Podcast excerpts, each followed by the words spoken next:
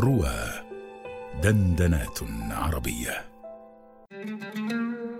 حديث نفس مع الشيخ علاء عبد الحميد. ولا أجزم أن أصل الحب واحد ولكني أميل إلى ذلك فأرى أن حب الأب كحب الابن كحب الصديق كحب الزوجة. ذلك أن الحب هو تعلق القلب وميله. أما لوازم هذا الميل ومآربه فتختلف باختلاف العلاقة. الأمر أشبه بالطاقة الكهربائية. تسري في أسلاك بيتك ثم تخرج في كل جهاز بطاقة مختلفة.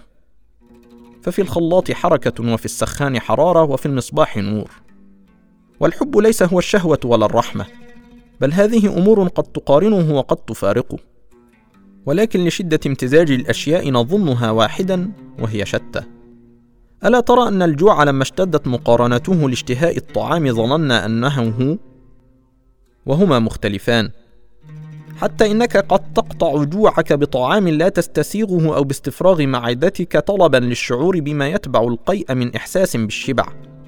فالجوع قد يدفع بكسرة خبز. ولكنك إن جعت تفكر في أطايب الأطعمة فتظن أن هذا هو الجوع وإنما هي شهوة الطعام فكذلك الحب لشدة اقترانه بين الجنسين بالشهوة نظن أنهما شيء واحد ولشدة اقترانه بين الأب وابنه بالرحمة نظن أنهما شيء واحد. فإن جردت الحب عن لوازمه المعتادة تمحض لك ميلا قلبيا وتعلقا روحيا. لذا فلا عجب أن يكون أشفق الناس على الخلق أقربهم تعلقا بالله. ذلك أن القلب الذي اعتاد الحب مع المحسوس المشاهد يسهل عليه الحب مع الإله الذي حجب الخلق عنه في هذه الدنيا. فالحب هو خفقان القلب وميله والقلب الذي اعتاد أن يخفق في جهة يسهل عليه أن يخفق في جهة أشرف إن حان الوقت أما قاسي القلب الذي لم يعتد الميل فلا تحركه اللطائف ولا تميله نسمات القرب.